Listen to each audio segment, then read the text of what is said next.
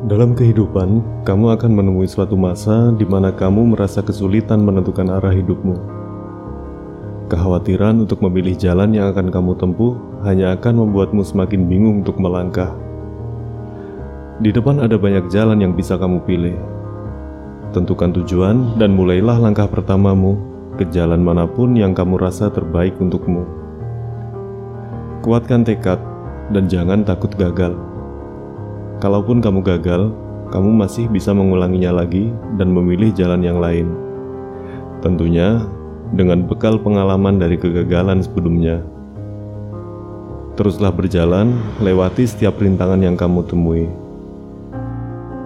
Dan jika tiba masanya, kamu akan menemukan apa yang kamu cari, yaitu arah hidupmu.